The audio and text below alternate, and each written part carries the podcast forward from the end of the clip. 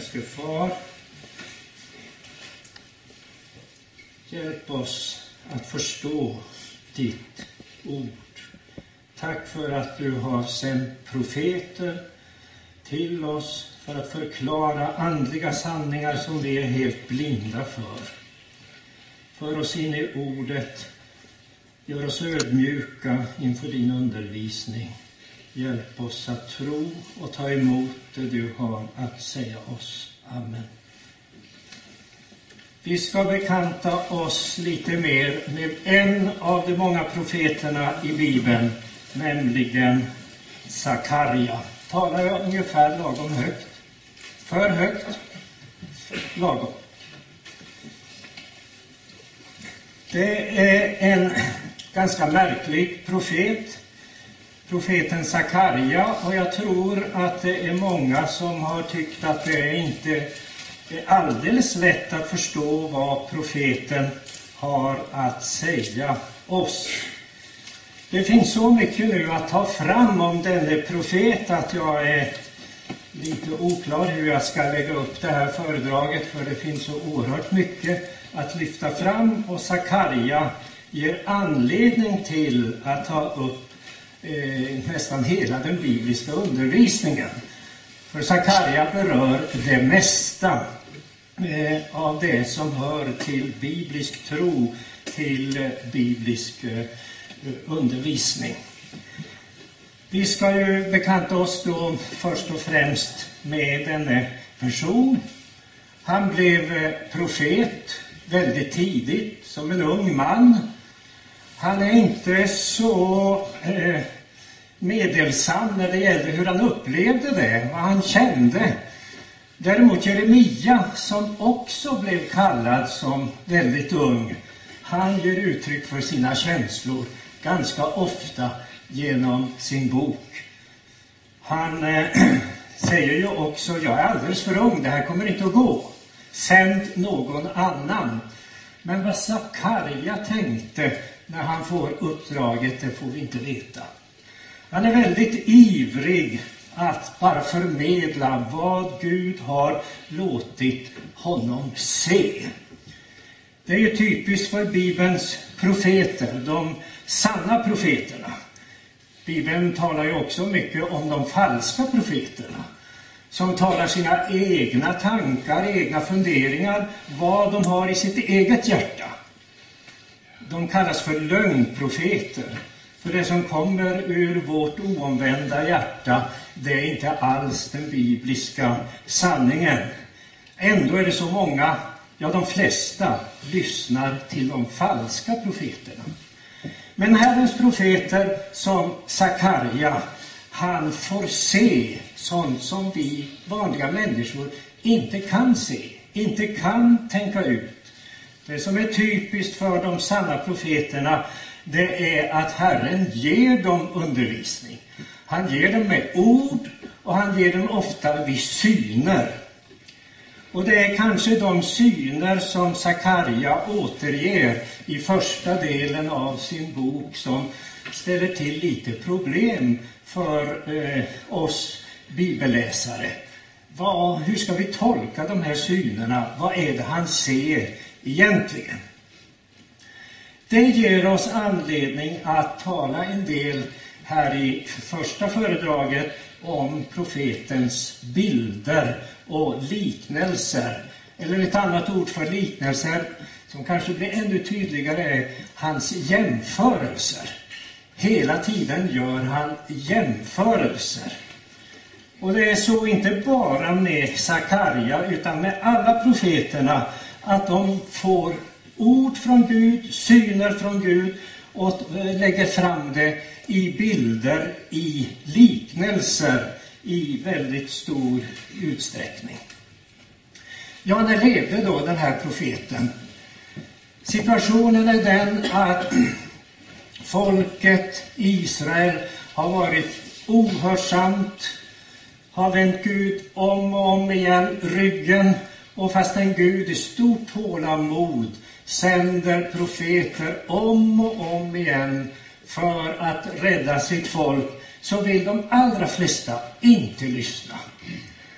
Och att bryta mot Herrens vilja och framhärda och trots så mycket godhet från Gud, trots så mycket nåd och förlåtelse, ändå bara misstro, misstänkliggöra, förtala Gud, det drar med sig Guds dom. Men Gud väntar och väntar med sin dom. Han vill att alla människor ska bli frälsta och komma till sanningens kunskap. Men till slut så måste ändå domen komma. Och före Sakarias tid så har då till slut nu folket förts bort från Jerusalem och Jerusalem har förstörts. Den heliga staden har lagts i ruiner. Större delen av befolkningen har förts bort i fångenskap till Babylonien. Men Herren vill inte förkasta dem. Herren kommer på nytt med nåd och med eh, ord om att hjälpa dem igen och igen. Men man vill inte lyssna. Det är som Jesus säger, ni har inte velat. Jag har om och om igen kommit till er med Guds goda gåvor, men ni ville inte. Eller som Jesaja uttrycker det redan då ett par hundra år före Sakarja. Då, eh, när jag säger då Jesaja så blir det detsamma som Gud säger så och så. För profeten är ju ständigt Guds mun. Kallas också för Guds mun. Talar och Guds vägnar. Och när Jesaja säger, det är alltså Herren som säger, hela dagen har jag stått med uträckta armar till ett, fram till ett ohörsamt folk. Och man kan för, förundras över att Gud kan ha sån tålamod. För Gud är helig. Han måste också straffa och hans vrede vilar över den ständiga otron, ohörsamheten, syndfullheten. Och ändå vill han genom sitt eh, evangelium, sitt glada budskap, väcka till tro. Och hur ska han få tro? Ja, det enda som kan ge tro är just löftesordet. Löftesordet. Och det enda som egentligen fördömer, det är att förkasta Guds goda frälsningsord, Guds löftesord. Nu hade folket alltså drabbats av Guds vredesdom, förts bort ifrån Jerusalem. Det skedde i och med att den mäktige kungen Nebukadnessar tog över Eh, i, eh, som den stora världsmakten i, i detta område i Främre Orienten. Han krossade den tidigare viktiga världsmakten Egypten år 609 f.Kr. Och från och med 609 så är det han som bestämmer över hur eh, man ska ha det i Palestina, i Israel. Så folket hade kommit under en stark främmande makt och denna främmande makt för folket i omgångar bort ifrån Jerusalem. Först Daniel och hans medhjälpare 605 och sedan belägras Jerusalem och 597 så förs den väldigt många bort ifrån Jerusalem och drygt tio år senare så bränns staden ner i juni, i juli, augusti 587. Men Gud hade sagt att jag vill ge er frälsning. Jag vill inte förkasta er, men måste för er ondskas skull driva bort er. Och så säger profeten Jeremia på Guds vägnar, om 70 år så ska ni få vända tillbaka. Och det var inte första gången som det löftet kom. Redan eh, kring eh, 700 före Kristus så hade Jesaja profeterat om att den eh, medisk-persiske kungen Koresh ska låta er vända tillbaka från fångenskapen. En förutsägelse alltså så långt i förväg. Vända tillbaka till Jerusalem och bygga upp det.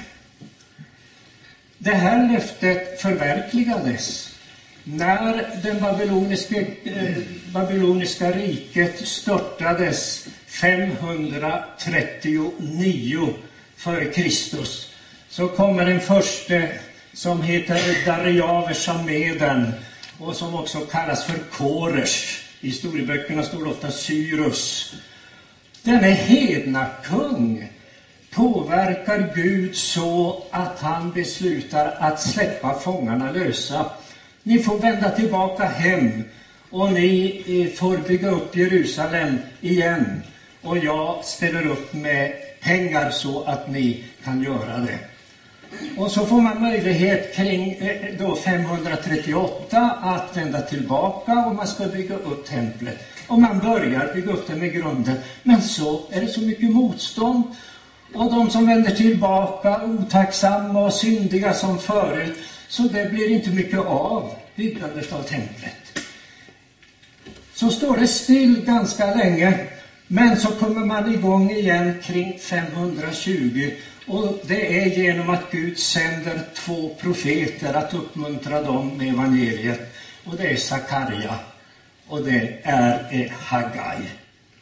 Så där har vi eh, den, den situation som vi befinner oss i när vi nu studerar Sakarja-boken. Sakarja börjar sin undervisning efter kallelsen som en ung man 520 f.Kr. Och efter bokens slut så får vi av andra texter i Bibeln reda på att templet är klart 516 f.Kr. Men det, varför var det så viktigt att bygga upp templet igen? Jo, därför att templet skulle vara en predikan om och en förebild för Messias, det sanna templet. Messias är det sanna templet. Kommer ni ihåg vad Jesus sa när Messias hade kommit? Så säger Jesus, riv ner detta ståtliga tempel. Då hade Herodes låtit göra templet ännu ståtligare än det som byggdes upp i, eh, som Sakarja och Hagga hjälpte till att få byggt. Då var det så oerhört ståtligt och folk tittade på templet och sa Oj, vilken fantastisk byggnad! Och Jesus säger sten ska inte lämnas på sten. Allt ska raseras. Men jag ska bygga upp det igen på tre dagar. Han talade om sig själv. Messias, Jesus Kristus, är det sanna templet som alla de tidiga templen och de eh, uppdrag som Gud gav åt folket skulle förebilda och peka fram emot. Och det ska jag tala lite mera om, om sedan. Innan vi nu ser vad Sakarja närmare bestämt har att säga så låt oss då snabbt bekanta oss genom en liten överblick av vad är det för en bok vi pratar om. Den tillhör småprofeterna, alltså tolvprofetboken. Det tolv småprofeter kallar man den. Vi börjar med Hosea och sen går det igenom Hosea, Joel, Amos och Badja, Jona, Mika Nahum, Habakuk, Sefania, Hagai, Sakarja och Malaki. De tolv. Sakarja är en av de större småprofeterna. 14 kapitel. En till har 14 kapitel, nämligen Hosea. De andra är lite kortare och lite, lite mindre. Sakarja-boken, om vi bläddrar igenom den snabbt. Nu har ni inte biblar med kanske några har det. Så talar först profeten om när han får sin kallelse. Och så säger han med en gång, inga känslor, inte hur han upplevde det så mycket, utan han klargör precis att Herren har sänt mig mot bakgrund av er otro, er ohörsamhet. Och budskapet är, vänd om vänd om. Och efter den lilla inledningen så skyndar han sig att berätta om sina sju nattliga syner. Och de eh, ska jag kommentera lite närmare sen, men nu bara räkna, närmast räkna upp dem. Den första synen, den handlar om mannen på den röda hästen försöka förklara lite, lite senare vad det innebär. Det är i kapitel 1, 7-17. Den andra synen handlar om hornen och smederna, 1, 18-21. Den tredje synen handlar om mannen med mätsnöret, 2, 1-13. Den fjärde synen handlar om att översteprästen ska få nya kläder. Kapitel 3, vad innebär det? Och den eh, femte synen handlar om ljusstaken av guld och olivträden. Kapitel 4. Och den sjätte synen, den flygande bokrullen och kvinnan i korgen. Kapitel 5. Och den eh, eh, sjunde synen är om de fyra vagnarna, kapitel 6, 1 till och med 8. Är ni nyfikna på vad det här handlar om egentligen? Vad står det? Vad säger Herrens profet? Hur många gånger har ni läst det och funderat över vad var det han såg? Och vad betyder det? Vi ska försöka hinna med och säga eh, något om det. Efter att han har presenterat de här synerna så anknyter han med vad som hände samma dag som han hade fått de här nattliga synerna, alltså efter den natten, så dyker det upp några män som kommer tillbaka från Babylonien och har med sig gåvor till tempelbygget. Och Sakarja får veta att han ska ta emot de här gåvorna och göra två kronor av silver och guld. Varför? Jo, den ena kronan symboliserar då eh, översteprästens höghet och den andra kronan symboliserar kungens höghet. Och båda kronorna ska ges åt översteprästen Josua, samma namn som Josua som efterträdde Mose. Namnet betyder ju frälsningen. Herren är frälsningen. Och varför två kronor? Jo, därför att översteprästen Josua, han skulle vara en förebild för Messias. Och Messias har båda kronorna. Messias är både överstepräst och kung i en enda person. Och det skulle Josua åskådligt göra. Eh, och så kommer då en predikan om Messias som kallas för telningen. Och jag vet inte om ni förstår ordet telningen. Men man, man, det skulle ju låta konstigt ifall du översätter lite mera ordagrant lövslyet. Alltså den där ynkliga lilla växten som kommer upp ur torr jord. Messias, han är föraktad. Han är ingenting i det yttre. Och ändå är han konungarnas konung och herrarnas herre och den evige översteprästen. Därför kallas han då för, ja, så har man det här ordet på svenska, telningen, den ynkliga, lilla spröda.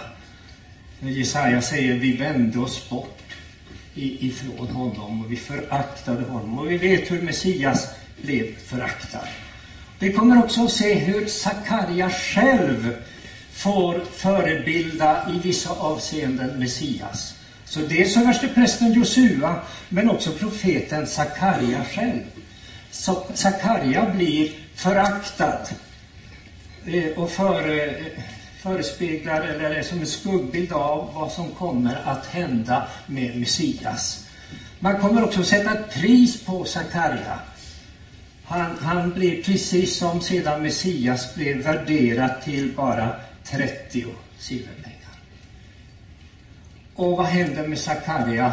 Han blir också dödad. Precis som Messias blev föraktad och blir dödad. Så är det, och det kommer vi in på detta med alla förebilder för Messias i Bibeln, så eh, är eh, plockar Bibeln fram eller låter olika gestalter predika om saker om Messias. De är, in, de är alltså, eh, den jämförelsen gäller då vissa saker. David har blivit ett namn för Messias. Så flera ställen så står det att David ska komma och David ska regera över er. Och det syftar då på Messias. Det sägs alltså långt efter att kung David har dött. Så talas det om den kommande kungen, Messias som ska komma, så kallas han för David. Jo, därför att David har vissa saker som påminner om Messias. David blev inte den som självklart var stor och reslig och som man valde ut utan vidare, utan han kom sist i ordningen. När man skulle ha en kung, kommer ni ihåg, så kom det fram den och så kom den och så den. Sen allra sist, har du ingen mer son? frågar man pappan Ishai. Och till, jo, vi har ju en till där, ja, ja, men, ja, men hämta honom, han är det. Så David återspeglar en skuggbild, som Bibeln kallar det, för den sanne, sanne Messias. Men han är ju inte en skuggbild i alla avseenden. Messias är inte en äktenskapsbrytare. Messias är inte en mördare. Messias är inte full av syndighet som kung David var. Men i vissa avseenden är han en förebild för Messias. Och så har vi Davids son som används som ett begrepp om Messias. Hosianna, Davids son, säger man och menar Messias. Varför då? Jo, därför att Davids son Salomo skulle bygga templet. David ville ju göra det.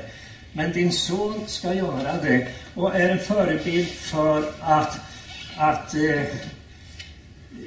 Guds son ska bygga templet. Du vill bygga tempel åt mig, heter det, men det är jag som ska bygga det.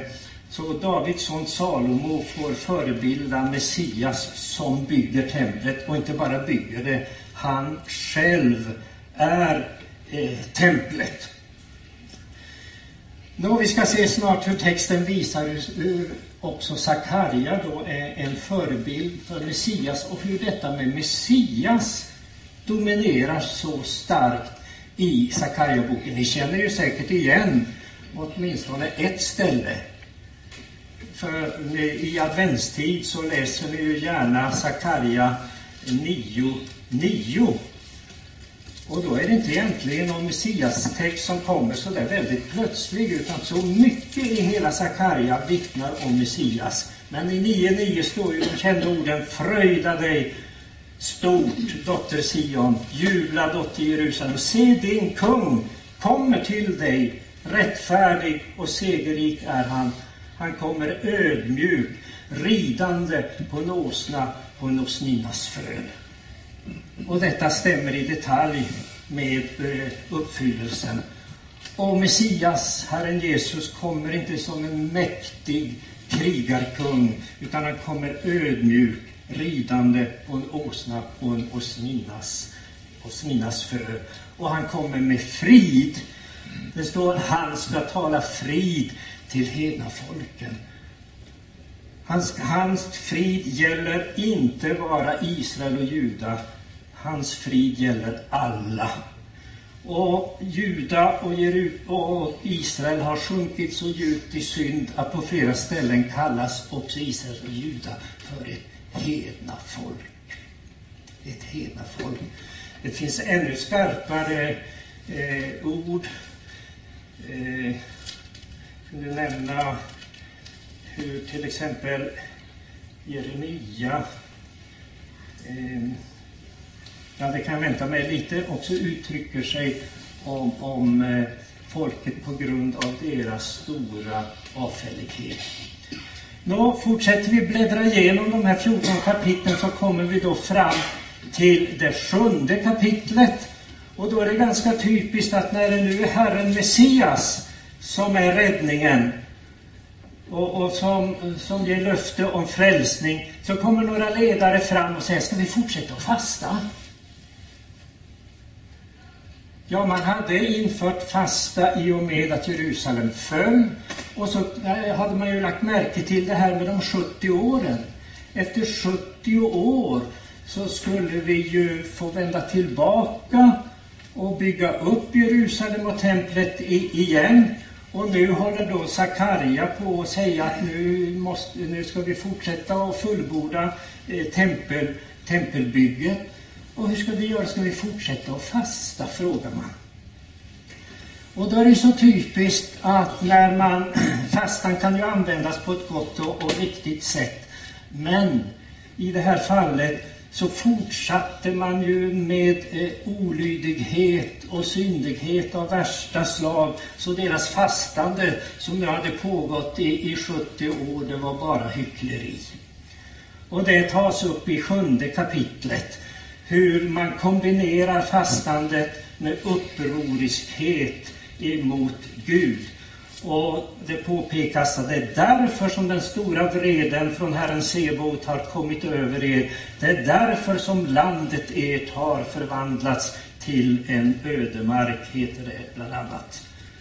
Så ser vi hur, hur löften och domsord kommer om vartannat hos den här profeten och även hos andra profeter.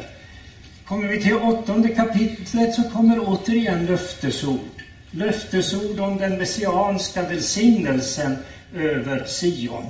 Och den ska vi, vi ska gå igenom det här lite, lite närmare. Och därmed så har vi kommit fram till andra delen av boken som vi ska tala om sen vi har fått kaffe och tårta och, och blivit piggare igen. Och då ska vi se på de märkliga profetiorna i kapitel 9 till och med eh, 14. Och där, eh, det, vad det handlar om, det är dom och frälsning, växelvis dom och frälsning. Det börjar med domsord över Israels fiender och kommer sen till frälsningen genom Messias som kommer inridande på en osninas fåle. Och i tionde kapitlet så handlar det om skillnaden mellan Herren och spåmän och husgudar och väldigt kraftig och tydlig undervisning om, om Messias. Och i elfte kapitlet så handlar det om de falska herdarna, de som förlitar sig på världslig makt och inte på nåden från Gud. Och i det tolfte kapitlet så får vi läsa om att före den yttersta domen, strax före, så avslutas den här tidsåldern med massivt slutangrepp mot Guds folk. Ett massivt slutangrepp mot Guds folk. Och det är inte bara Sakarja som säger det här, utan vi har det lite överallt bland profeterna. Och vi har det i Uppenbarelseboken. Hur kommer det sig att det blir, vad är det för sorts massangrepp? Jo, det är inspirerat av den store gudsfienden Satan. Och när evangeliet tystnar, då lossas kedjan. Kedjan eh, som binder Satan, det är evangeliet. Satan måste vika tillbaka inför Messias och inför evangeliet. Men när det tystnar mer och mer, och hur är det i vår tid? Vad tror ni? Det rena evangeliet eh, tystnar mer och mer. Och därmed så får eh, Satan större möjligheter att angripa, förvanska, förstöra. Och precis före den yttersta domen, den slutliga befrielsen, det slutliga ingripandet från Guds sida, så, så sker ett, ett massivt avfall eller angrepp emot, emot sanningen. Och det handlar kapitel 12 om. Kapitel 13 återigen kommer tillbaka till evangeliet som innebär rening från synden genom den sanne herden. Och de som tror, de är bara en rest. Och det står ju så tydligt eh, överallt att, att det bara en rest, en kvarleva, kommer till tro. Och de lever inte under en, en väldig yttre lycka. De har frid i sina hjärtan, men de är en prövad eh, kvarleva. Och det handlar sista biten av kapitel 13 om. Och så kommer slutkapitlet som gav namn åt, åt andra delen av föredraget. Eh, hur Herren slutligen griper in och hur han eh, ska stå på Olivberget och vad, vad det eh, närmare betyder ska vi då tala om. Alltså Guds slutliga ingripande mot all fientlighet eh, mot, mot sanningen och den slutliga frälsningen och befrielsen av Guds folk. Där har ni hela, hela Sakarja-boken i ett väldigt snabbt och, och eh, ja, alltför snabbt svep. Hinner ni med? Jag är rädd för att jag har så mycket att säga er, så jag, jag tar det lite för snabbt. Men eh, vad gör man? Jag kan trösta med att om det går förbi allt möjligt så är det så mycket att säga om denna profet att det, jag hoppas att det kan komma som en bok så småningom. Det går inte att pressa in det på de här eh, två eh, timmarna. Men nu då tillbaka till eh, eh, steg för steg i profeten.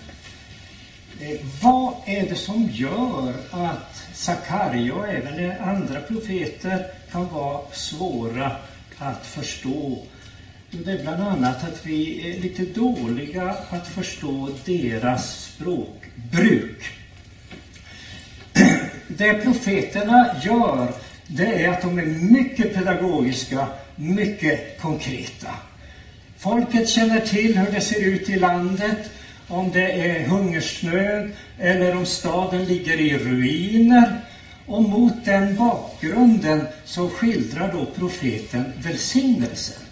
Och hur ska man då skilja, skildra välsignelsen om man har olycka, ödemark, torka, lite med mat, eländigt på alla möjliga sätt och inga riktiga hus att bo i för att fienden har förstört dem.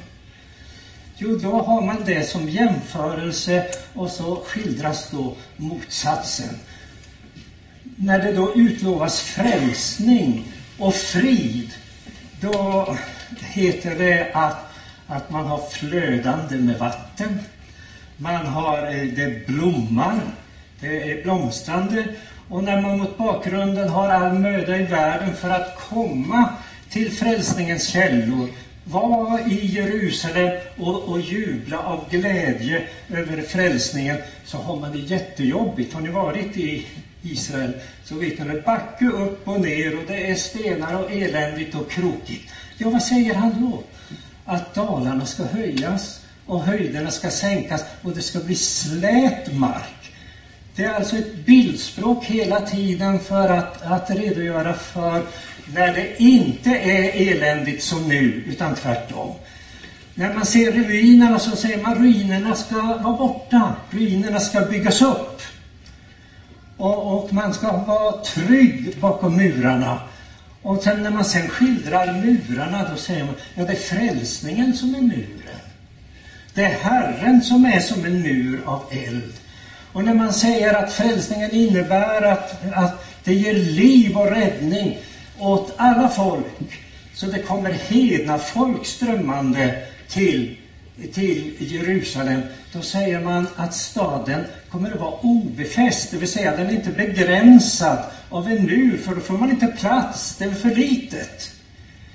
Så det kommer inte att vara någon vanlig mur som begränsar det, utan Guds rike är, är så stort att, att det finns ingen vanlig mur. Ja, men har man ingen mur då? Jo, det är Messias som är muren, står det då. Så man, man utgår ifrån det man kan se med ögonen och har upplevt och så skildras frälsningen. Men frid då, inga krig, inget elände och ingen synd i Guds sanna rike. Ja, då heter det att vargar och lamm betar tillsammans. Ett litet barn som, som dödas av, av eh, huggormen kan sitta och peta i ögat på den där farliga giftormen och det är helt ofarligt. Det finns ingen ondska och ingen, ingen, eh, ingen död ens. Döden är borta. Mat då? Jo, på Herrens Sions berg, där ska man kunna äta feta, märgfulla rätter och väl lagrat vin starkt klarat. Glädje, frid, mat, inga fiender.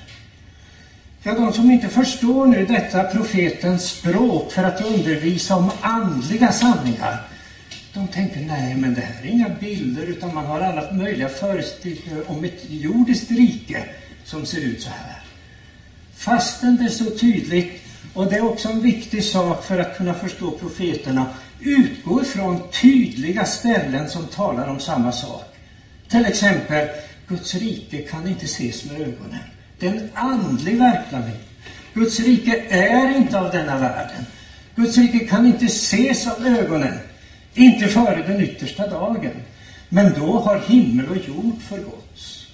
Då har himlen rullats ihop som en bokrulle, säger profeten. Han är ju van med bokrullar. Han har hållit upp en bokrulle framför folket. Alla vet vad en bokrulle är. Hur ska det vara med himlarna och himlar? De ska rullas ihop som en bokrulle. Kommer att gå under. Det finns tydliga massor med ställen som säger hur den här förgängliga världen som har, på grund av synderna drabbats av förgängelsen, den ska bort. Och det som var särskilt svårt, vi vet eh, eh, inte minst för Israel och judafolket, det var att höra vad innebär egentligen Guds rike? Det står om eh, Paulus och de andra apostlarna, hur de kämpar. Hela tiden så undervisar de evangeliet om riket. Men man, kunde, man blev arg när man hörde detta.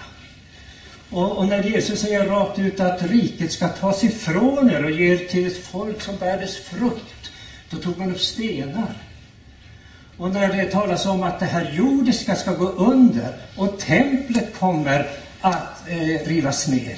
Det skedde ju också bara eh, 40 år efter Jesu fullbordade frälsningsverk år 30. År 70 så lades eh, Jerusalem igen totalt i ruiner och allt sammans eh, förstördes. Eh, precis som Jesus hade förutsagt. Ja, när Jesus sa detta vill man döda honom. Och samma sak var det med Stefanus.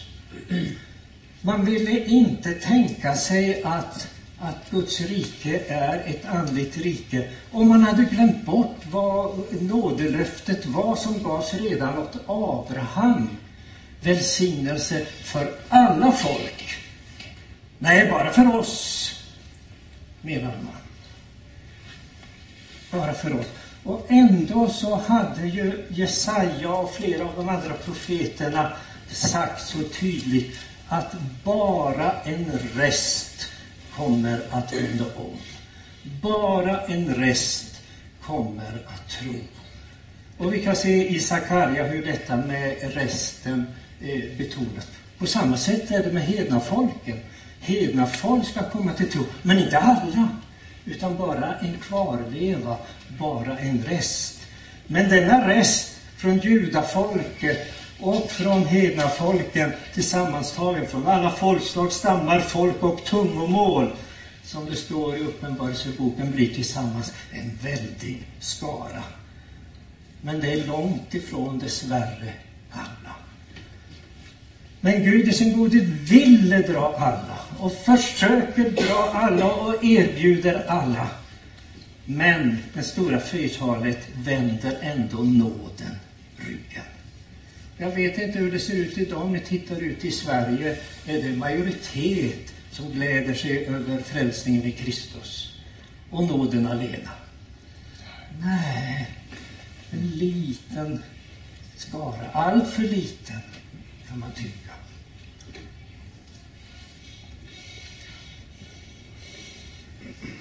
Det är alltså viktigt att lära känna språkbruket, att förstå bilderna och liknelserna. Eh, det jag nämnde uppe i, i Vännäs var att vi skulle behöva en bok om, om språkbruket hos profeterna. Lära känna det för att förstå och se hur rikt det är på bilder. Vatten ska bryta fram i öknen, strömmar på hedmarken. Där ska lejon, inga lejon finnas. Inga rovdjur ska komma dit. Fröjd och glädje ska det få. Ojämn mark ska jämnas, kuperat land blir slät mark. Herrens härlighet ska bli helt uppenbar. Eller Sion, det sanna Sion, som ska vara det högsta av alla berg och folk ska strömma dit. Och då är det, förstår ju alla att det är en bild. För om det inte vore en bild, så tänker jag, hur ska det gå till och hur ska man fixa det och gå upp till, till eh, 9000 meters höjd? måste ha speciell eh, utrustning.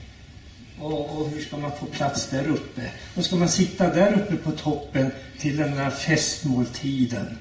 Som, som, nej, det är därför att det står för det främsta av alla berg. Det står vi har en stark stad, frälsningen gör han till murar och värn. Och det står att alla dina barn ska bli Herrens lärjungar och dina barns frid ska vara stor. Deras rättfärdighet kommer från mig, säger Herren. Istället för törnsnår ska cypresser växa upp. Istället för nässlor ska myrten växa upp. Det är bara lite av, av detta, eh, detta språkbruk. Och det visste ju Sakarja och alla de andra. Inte var alla Herrens lärjungar. Utan det var värre var, var ju att det var bara en, en liten del, en minoritet, som var lärjungar. De flesta arbetade emot Gud och hans rike hela tiden. Men i det sanna Sion, där är alla Herrens lärjungar och där råder bara frid. Och när, när det då, eller jämförelserna kan också använda sig av hur man offrade i templet, hur det såg ut eller hur översteprästen var klädd eller hur man firade högtiderna.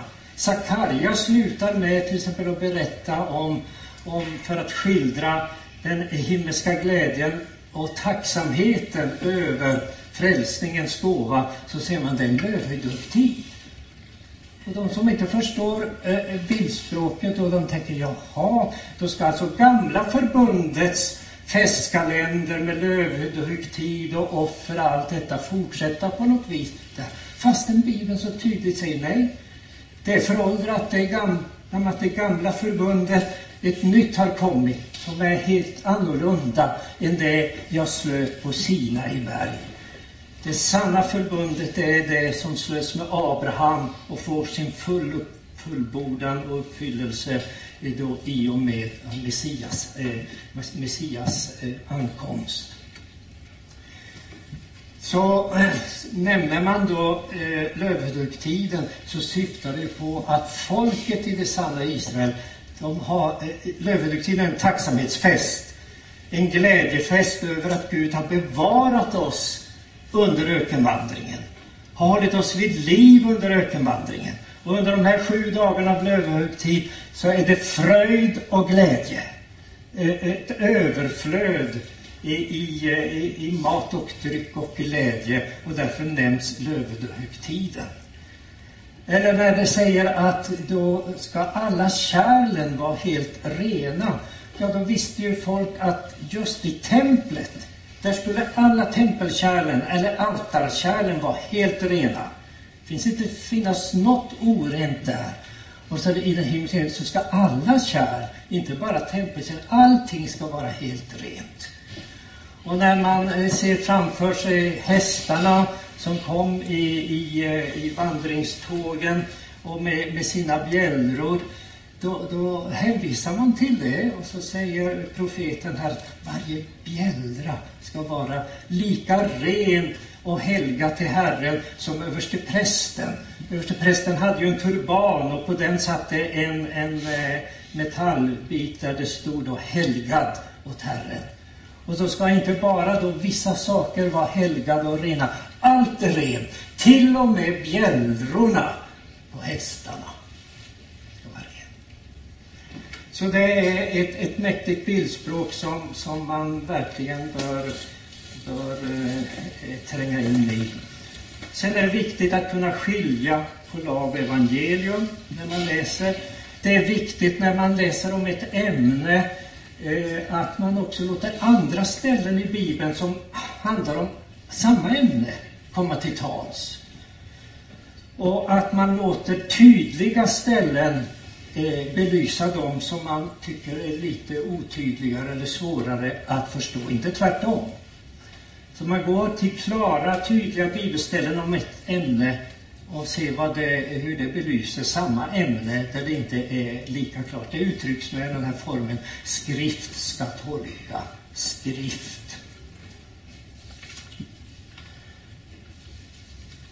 Det finns väldigt mycket att säga om, om principerna och också kunna skilja mellan gamla eh, och, eh, och nya förbundet. Nu ska jag väldigt snabbt, för nu måste jag sluta och säga vad står det nu i de här synerna som jag bara nämnde helt kort. Och hur ska jag förklara det då eh, ganska så, så snabbt här nu?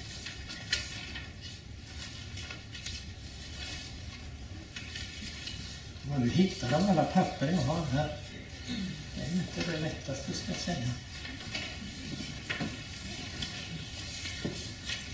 Vi ska titta snabbt på de här sju nattliga eh, synerna. Vart tog de vägen?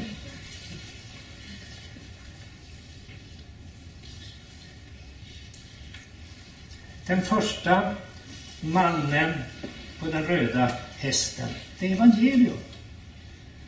Och det är evangeliet som nu ska uppmuntra dem att verkligen vilja fullborda templet, bygga upp detta. Då säger, står det här, Herren ska än en gång trösta Sion. Han ska vända tillbaka till Jerusalem i barmhärtighet efter en vredesperiod på 70 år. Mannen på den röda hästen, det är Herrens särskilda ängel. Det vill säga Guds evige son, verserna 10-11. Och det är han som ska bygga huset. Det ni bygger nu och ska bygga det, det ska förebilda vad Messias kommer att innebära och göra för er. Ja, då kommer nästa syn nummer två om hornen och smederna. Ja, där ser man som ofta dom och frälsning. Dom över Sions motståndare. De ska krossas Eh, de fientliga makterna. Det handlar den synen om, 1, 18-21. Och tredje synen, mannen med mätsnöret. Det är inte bara Sakarja som har sett en sån syn, det gjorde också Amos och flera av de andra. Vad har man ett mätsnöre till? Jo, man ska bygga ett tempel, man ska bygga en stad och det gäller att mäta upp och loda och se precis hur det hela ska göras. Och då handlar evangeliet om att det sanna Sion, det är mycket större än det geografiskt begränsade Jerusalem. Det handlar om ett rike som går från floden till jordens ända. Det är ett, ett rike som har utrymme, ett Sion som har utrymme för att hedningar från olika stammar och folk också kommer att omvända sig och inympas i den, i den judiska resten till ett enda folk under en enda herde. Många hedna folk ska på den dagen ansluta sig till Herren och bli mitt folk. Och då går det inte att ha ett begränsat geografiskt Jerusalem som, som man kunde se framför sig. Och så har vi den fjärde synen, nya kläder för överstepräster. Ja, det är evangelium igen.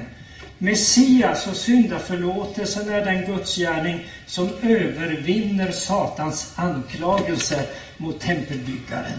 Satan stod och anklagade översteprästen Josua och försökte få hindra honom från eh, det viktiga arbetet med att staden skulle eh, byggas upp. Istället för orena kläder får Josua högtidskläder. Och då står det, jag har tagit din missgärning från dig. Jag ska låta min tjänare telningen komma och jag ska utplåna detta lands missgärning på en enda dag. På en enda dag. Jag ser hur det profiterar om vad Messias sedan gjorde. Och nästa eh, eh den femte synen, ljusstaken av guld och olivträden. Ja, ni vet ju vad ljusstaken av guld är. Ni har läst Uppenbarelseboken. Det är Guds sanna församling. Och de två olivträden, ja, det är just överste prästen och kungen som, som eh, är avgörande för eh, det sanna Jerusalem. Och jag ska låta min tjänare telningen komma. Josua och Serubabel representerar den prästerliga och den konungsliga makten som pekar fram mot Messias. Den sanna prästerliga och konungsliga makten i en enda person. Ljusstaken av guld, det är Guds sanna Sion.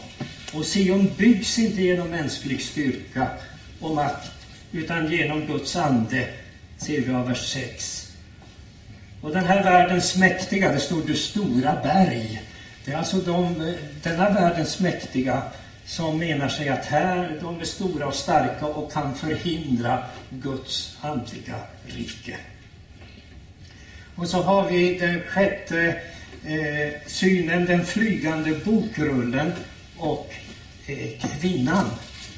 Det handlar, den flygande bokrullen, det handlar om förbannelseprofetiorna som står i bokrullen i tredje Mosebok 26, 14 följande och femte Mosebok 28, 15 följande. Domen över dem som föraktar Guds nåd och fortsätter i all möjlig syndig, syndighet, i all möjlig olydnad mot Guds ord.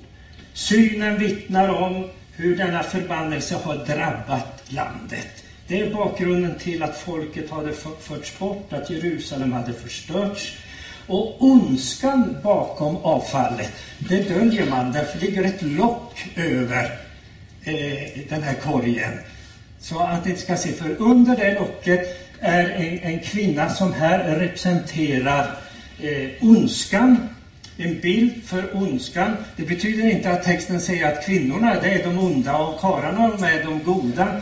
För sen står det om hur det är två kvinnor som avslöjar den här ondskan och för den bort till sitt verkliga hem, nämligen till det syndiga, syndiga eh, Babel. Förbannelsen har drabbat landet.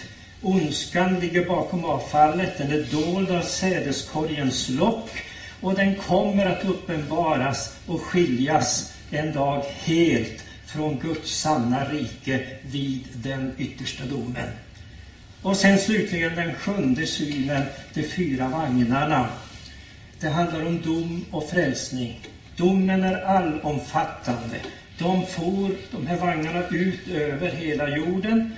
Det drabbar särskilt Nordlandet, vad är det? det är Assurbabel och Sydlandet, vad är det? Egypten. Assurbabel och Egypten är symbolerna för, för Jerusalems huvudfiender.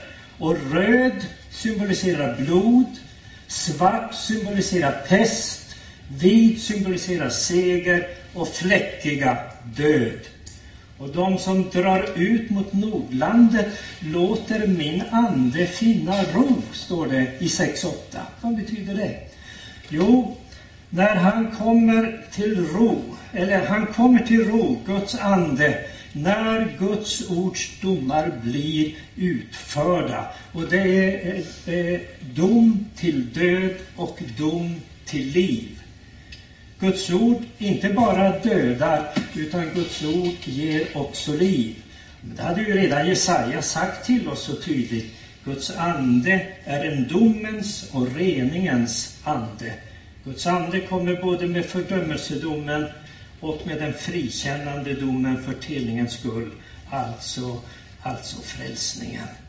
Och efter det här så kommer då synerna eh, eh, undervisningen om den sanne överste prästen som är Messias. Det är han som i själva verket bygger det eviga templet, det sanna templet som det här lilla jordiska templet ska vittna om. Han bygger Herrens tempel.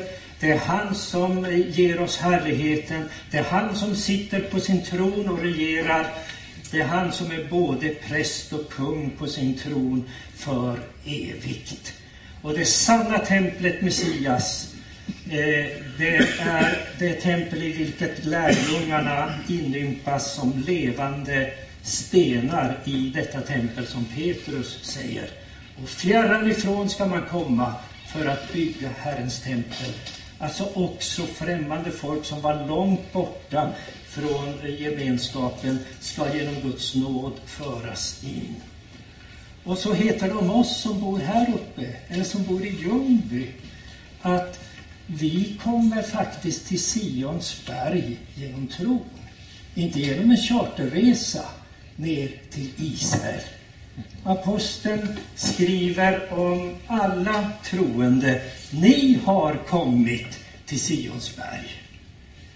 Ni har kommit till Sions berg den levande Gudens stad, det himmelska Jerusalem, till änglar i mångtusental, till en festgemenskap och församling av förstfödda som har sina namn skrivna i himlen.